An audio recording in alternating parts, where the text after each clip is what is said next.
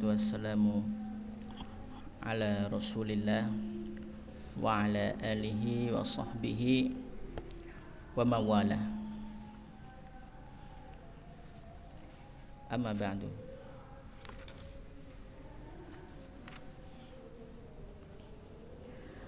Kita lanjutkan kajian kita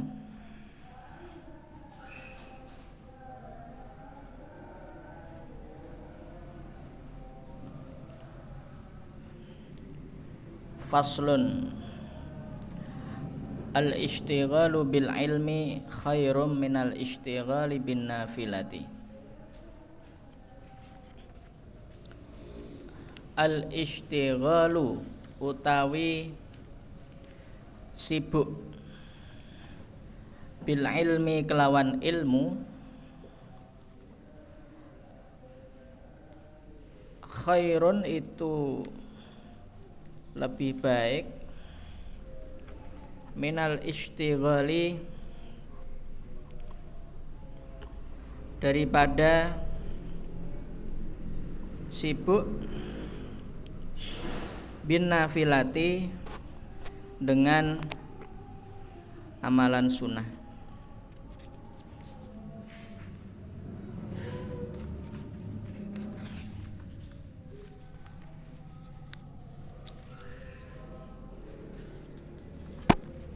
sibuk dengan ilmu itu lebih baik daripada sibuk dengan amalan sunnah.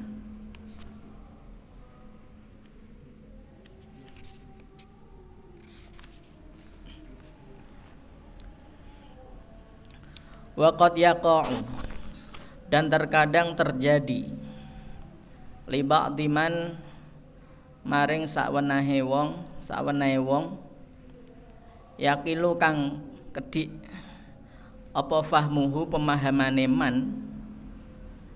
Annal amala apa annal amala? Annal amala setuhune amal iku afdalu luweh bagus utama minal ilmi daripada ilmu. Terkadang bagi sebagian orang yang pemahamannya itu pendek itu mengira bahwa amal itu lebih utama daripada ilmu.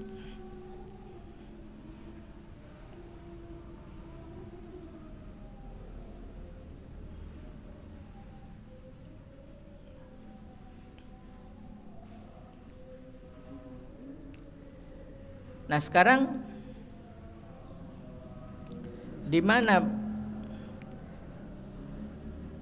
alasan yang mendasari bahwa sibuk dengan ilmu itu lebih baik daripada sibuk dengan sholat sunnah atau kesunahan. Jawabannya adalah wa kam min abidin.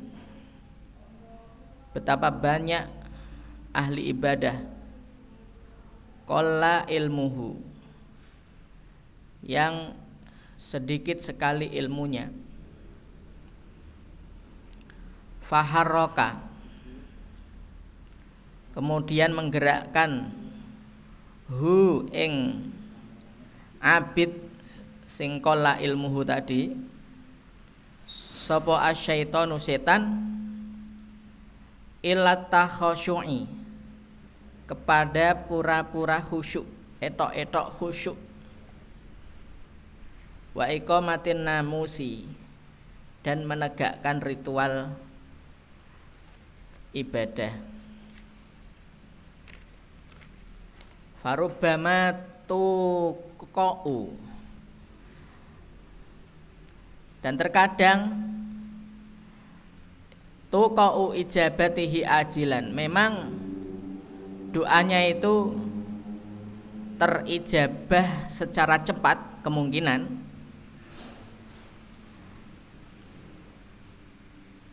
lima kani ma ya'taqiduhu minal jahilahu indallah karena apa yang dia yakini di sisi Allah Namun faidha lam yara lidzalika asaron. Namun ahli ibadah yang tanpa ilmu jika doanya itu tidak ada hasil ta'affafa fi batinihi ta'affufal ajiri alladzi lam yufa ujratahu fa idza lam yara mongko apabila tidak melihat sapa yo abid lidzalika mari mengkono-mengkono doa.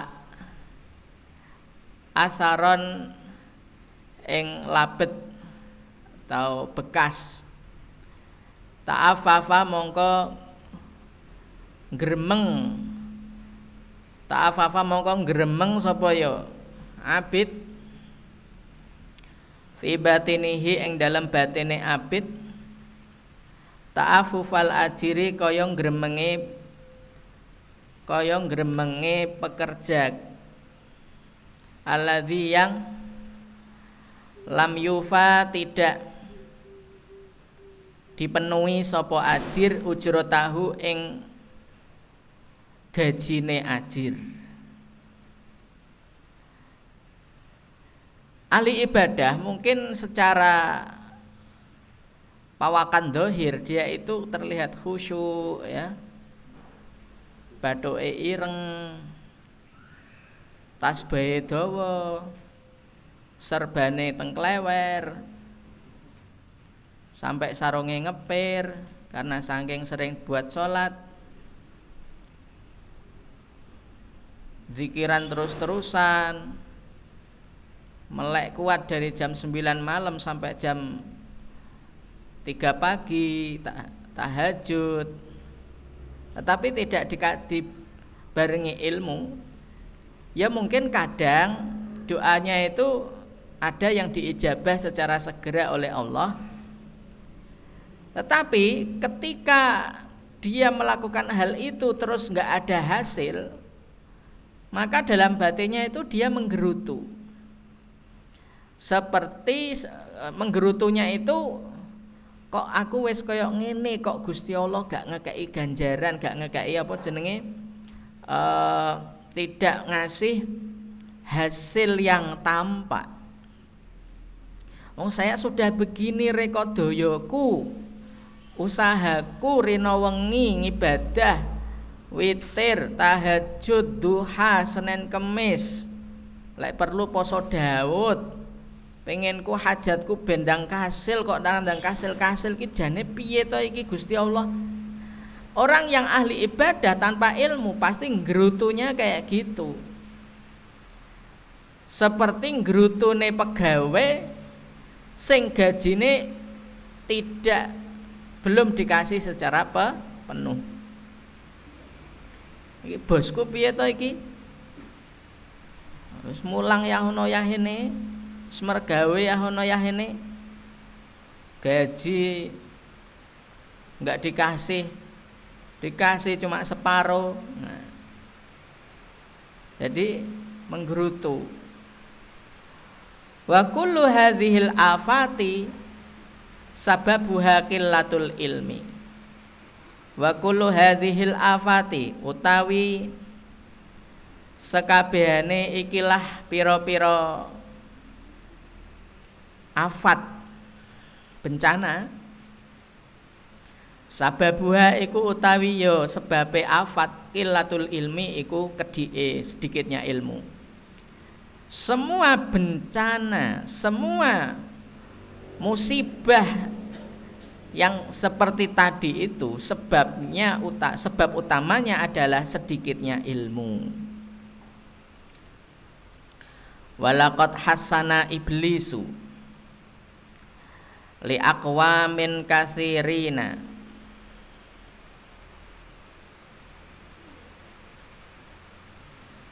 dan sungguh iblis telah banyak sekali sering sekali melakukan tazyin. Tazyin itu pandangan Pak tazyin itu begini. Iblis itu menggoda lewat jalur amal kebaikan itu namanya tazyin. Ya sing digoda itu ya rumangsa HP ya rumangsa apa ya ya merasa dia itu nggak ada masalah nggak ada goda iblis tapi sebenarnya iblis sedang menggoda dia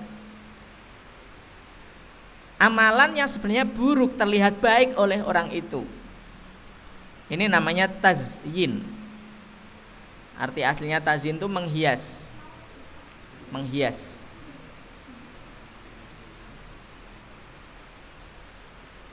Nah itu sering terjadi dan hanya orang berilmu lah yang mampu untuk memahami godaan iblis yang terselip ke dalam amal yang sebenarnya jelek tapi terlihat baik.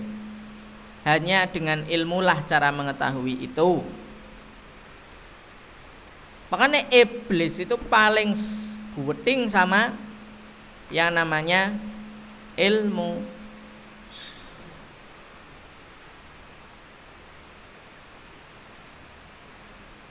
Sehingga di antara jalur yang paling jalur yang paling mudah bagi iblis untuk menggelincirkan manusia itu ya ada jalur jalur tazyin ini.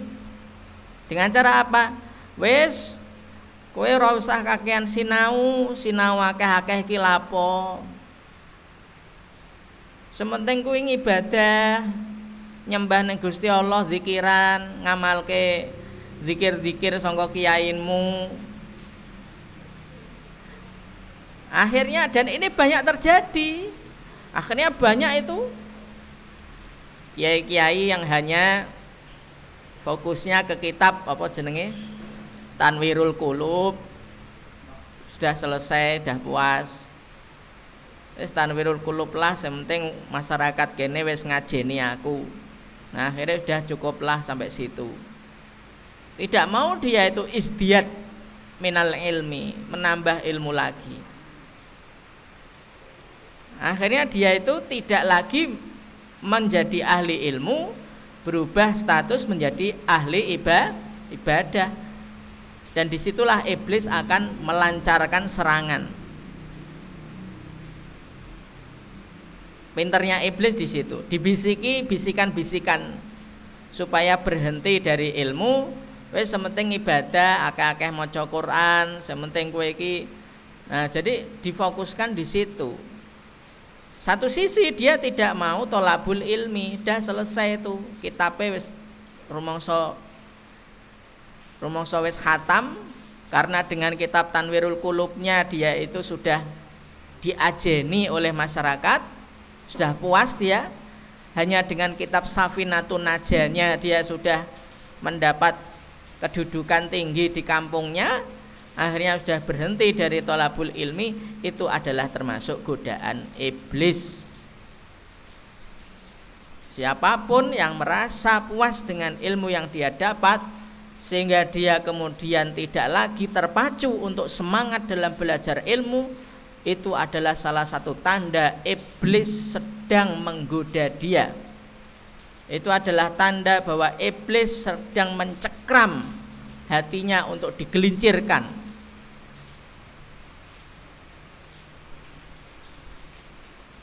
Sehingga Ibnu Jauzi mengatakan fa iyyaka wa iyyaka al-i'radu anil ilmi. Maka sekali-kali jauhilah, sekali-kali jauhilah sikap berpaling dari ilmu. Wa iyyaka antu sira alaihi ta'abbuda bi dan jauhilah sikap memprioritaskan ibadah daripada ilmu ini adalah alasan kenapa al istighalu bil ilmi khairun minal istighali bil ibadah.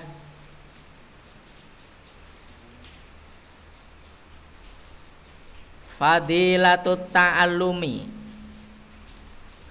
Utawi iki iku bab kang nerangake keutamaan belajar. Nah kemarin kita membahas keutamaan ilmu sekarang keutamaan belajar keutamaan apa namanya ngaji. Keutamaan tolabul ilmi. Keutamaan hadir di majelis ilmu. Karena nggak semua orang tuh dibuat ringan untuk hadir di majelis ilmu.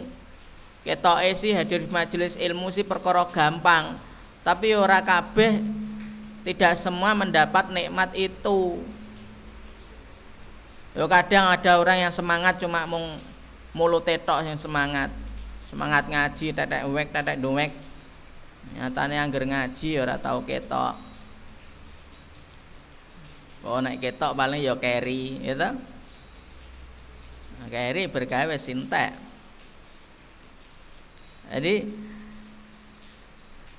belajar itu memang ya apa ya? Emang terlihatnya ringan tapi sebenarnya itu sulit.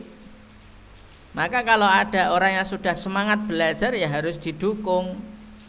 Ojo malah dikai apa jenenge jangan malah digelincirkan dari dihalang-halangi dari semangat bela, belajar karena tidak semua orang itu mempunyai semangat belajar semangat belajar sendiri itu nikmat dari Allah Subhanahu wa taala yang tidak semua orang memilikinya dan mendapatkannya.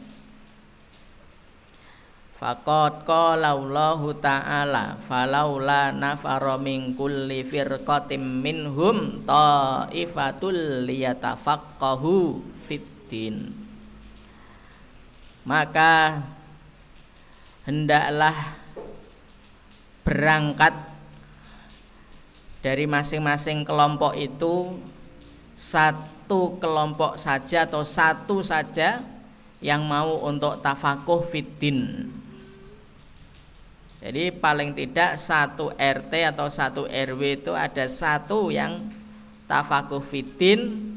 Nah kalau sudah tafakuh fitin nanti pulang ke kampungnya, kemudian waliyung ziru kaumahum idaro jauh ilaihim. Pulang ke kampungnya untuk menjadi mundirul kaum, menjadi pemberi peringatan terhadap kaumnya.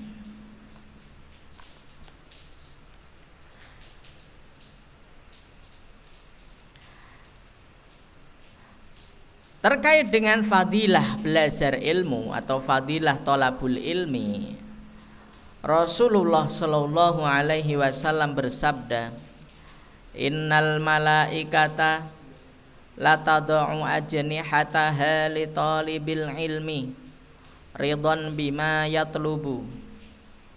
Innal malaikata setuhune malaikat.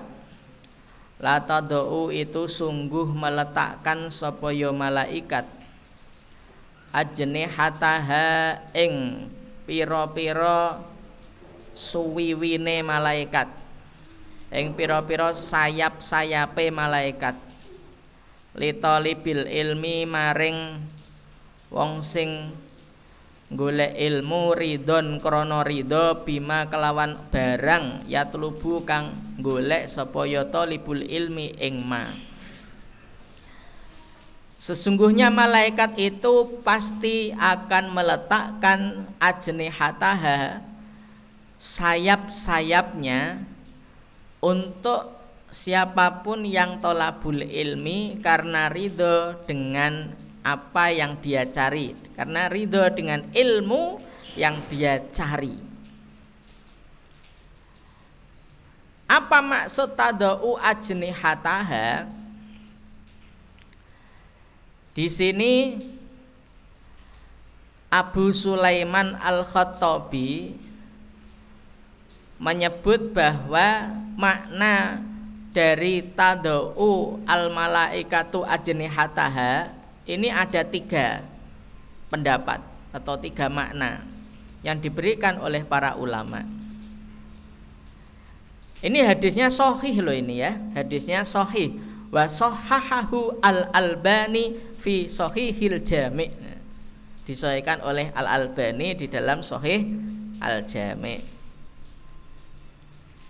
Menurut Imam Al Albani sahih. Maksud daripada tadau hataha satu annahu basatol ajnihata Makna pertama adalah malaikat itu betul-betul beberke sayapnya, membeberkan sayapnya kepada tolibul ilmi. Sayapnya malaikat itu kalau di dalam kitab akidah itu apa namanya? Kot sadal ufuk. Lebarnya itu seperti menutup seluruh cakra cakrawala. Jadi kalau malaikat apa namanya e, membeberkan sayap itu orang yang terbeberi sayap itu sudah nggak terlihat lagi langit itu malaikat.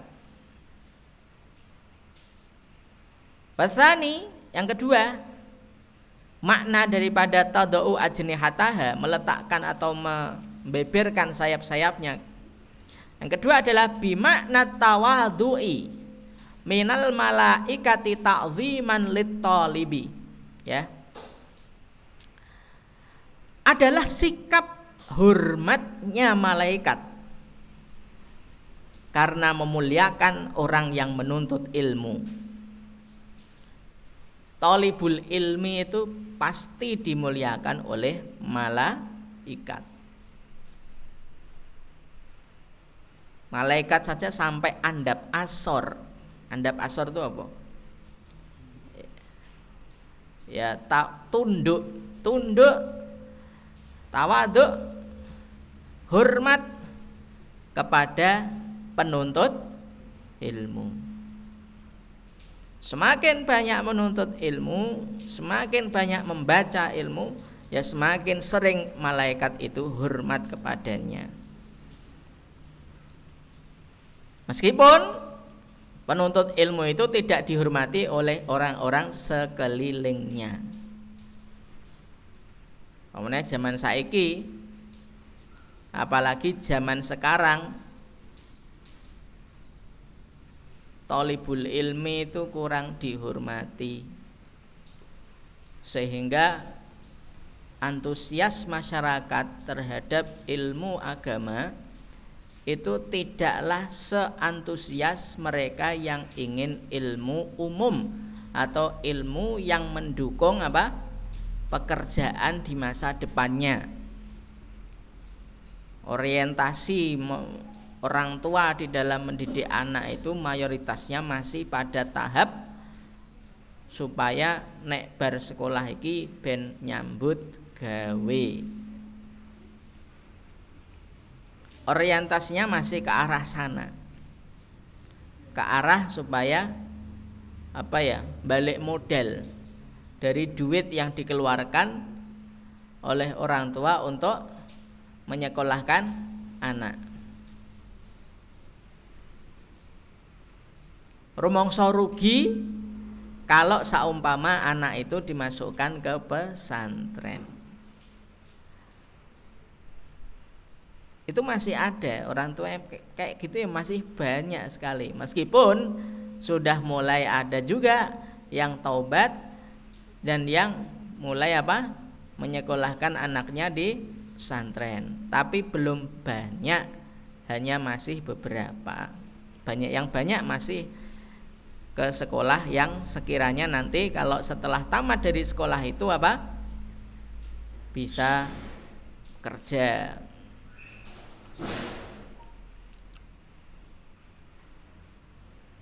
Kemudian makna tadau hataha yang ketiga adalah ayyurada bihin nuzulu inda majalisil ilmi. Yang dimaksud dengan tadau ajnihata adalah malaikat ikut turun dan hadir di majlis-majlis ilmu Jadi kalau ada orang yang baca kitab, belajar ilmu, itu malaikat sing sadurunge mabur karo sayape iku.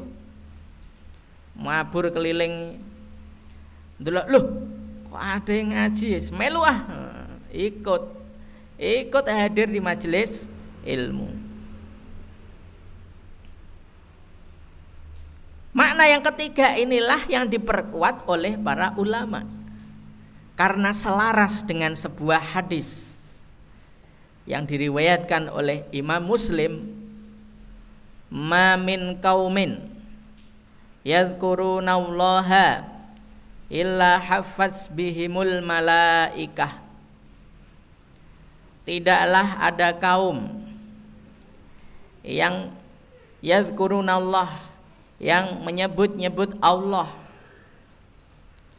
Kila kecuali hafaz bihimul malaikah. Mereka dikepung. Dikepung ini maksudnya adalah dikelilingi oleh malaikat dari segala penjuru untuk dilindungi. Jadi inilah faedah dari tolabul ilmi mendapat perlindungan malaikat.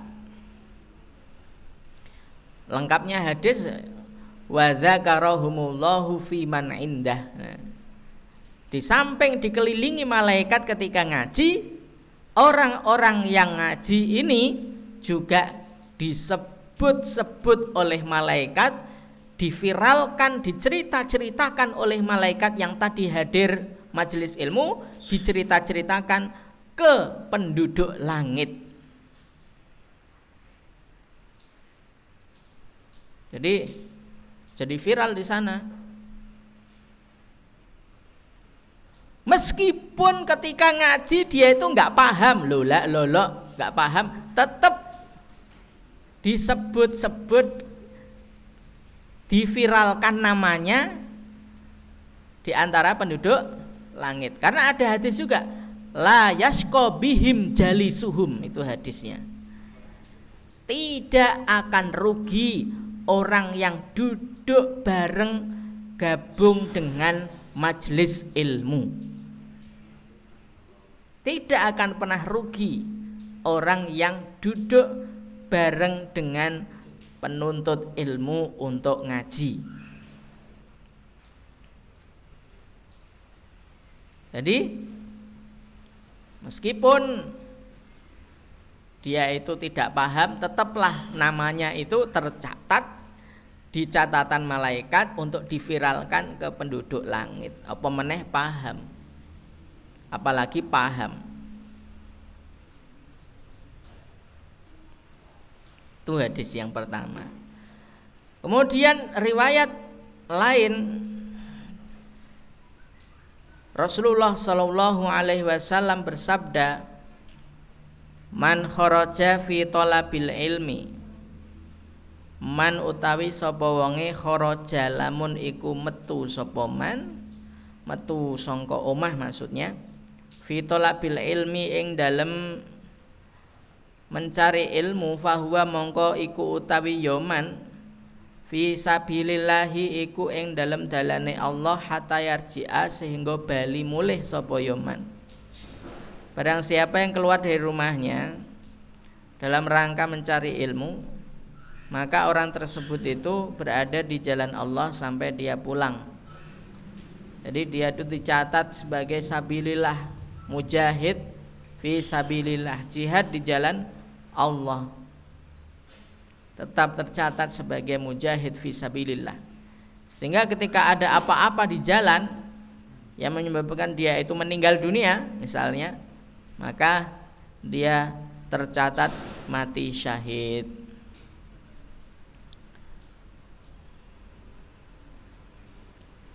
Kemudian dalam hadis lain disebutkan Rasulullah Shallallahu Alaihi Wasallam bersabda manja'ahul mautu wa huwa yatlubul ilma liyuhya bihil islama fabainahu wa bainal anbiya'i fil jannati darajatun wahidah. Barang siapa yang didatangi kematian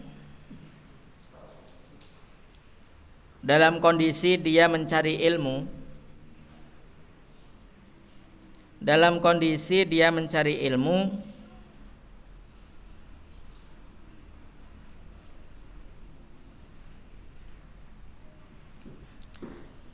demi untuk menghidupkan agama Islam. Karena agama Islam itu agama Islam hanya bisa hidup dengan ilmu kalau ilmu hilang dari Islam, Islam menjadi mati itu maksudnya. Nah kita pengen mata ini Islam apa ora? Nek pengen Islam dang mati ya rasa ngaji. Ya wong wong sing ra ngaji padha mata ini Islam.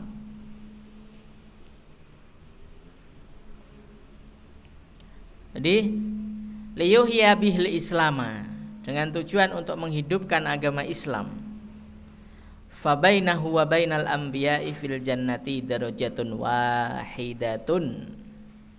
Maka jarak antara dia dan antara nabi di surga nanti adalah jarak satu tingkat. Satu tingkat di bawah nabi. Itulah pahala bagi orang yang meninggal dalam kondisi apa? Menuntut ilmu wa ammal asaru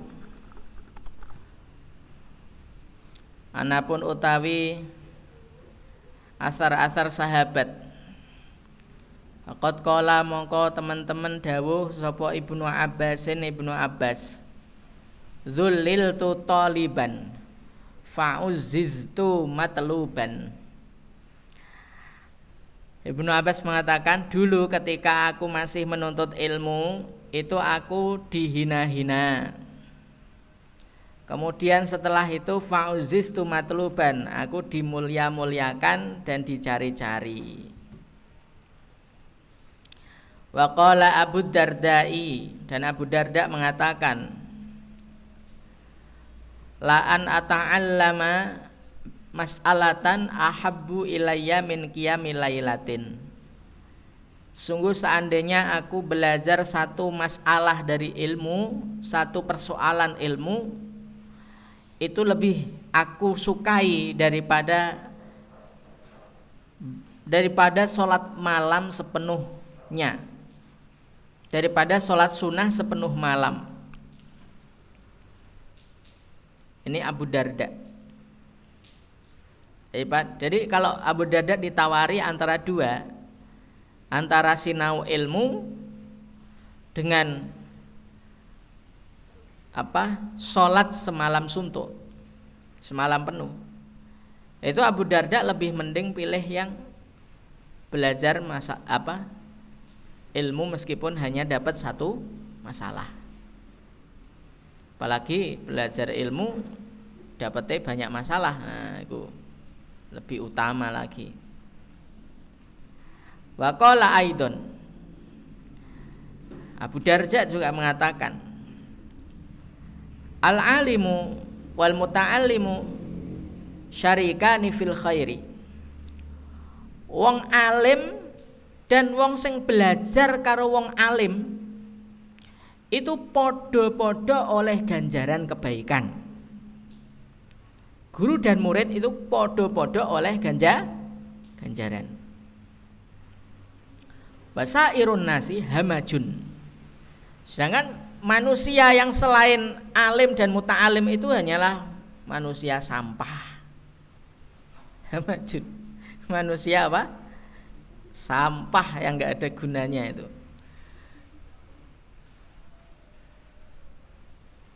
La khairofihim. Nah, karena sampah ya wis rano api eh nggak ada kebaikan yang diharapkan dari sampah-sampah ini.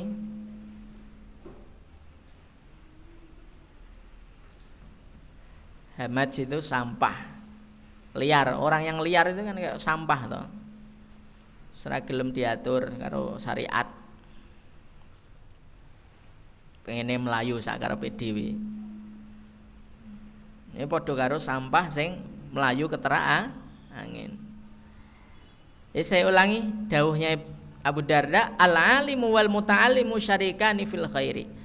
Wong alim dan orang yang belajar kepada wong alim itu podo-podo oleh ganjaran kebaikan.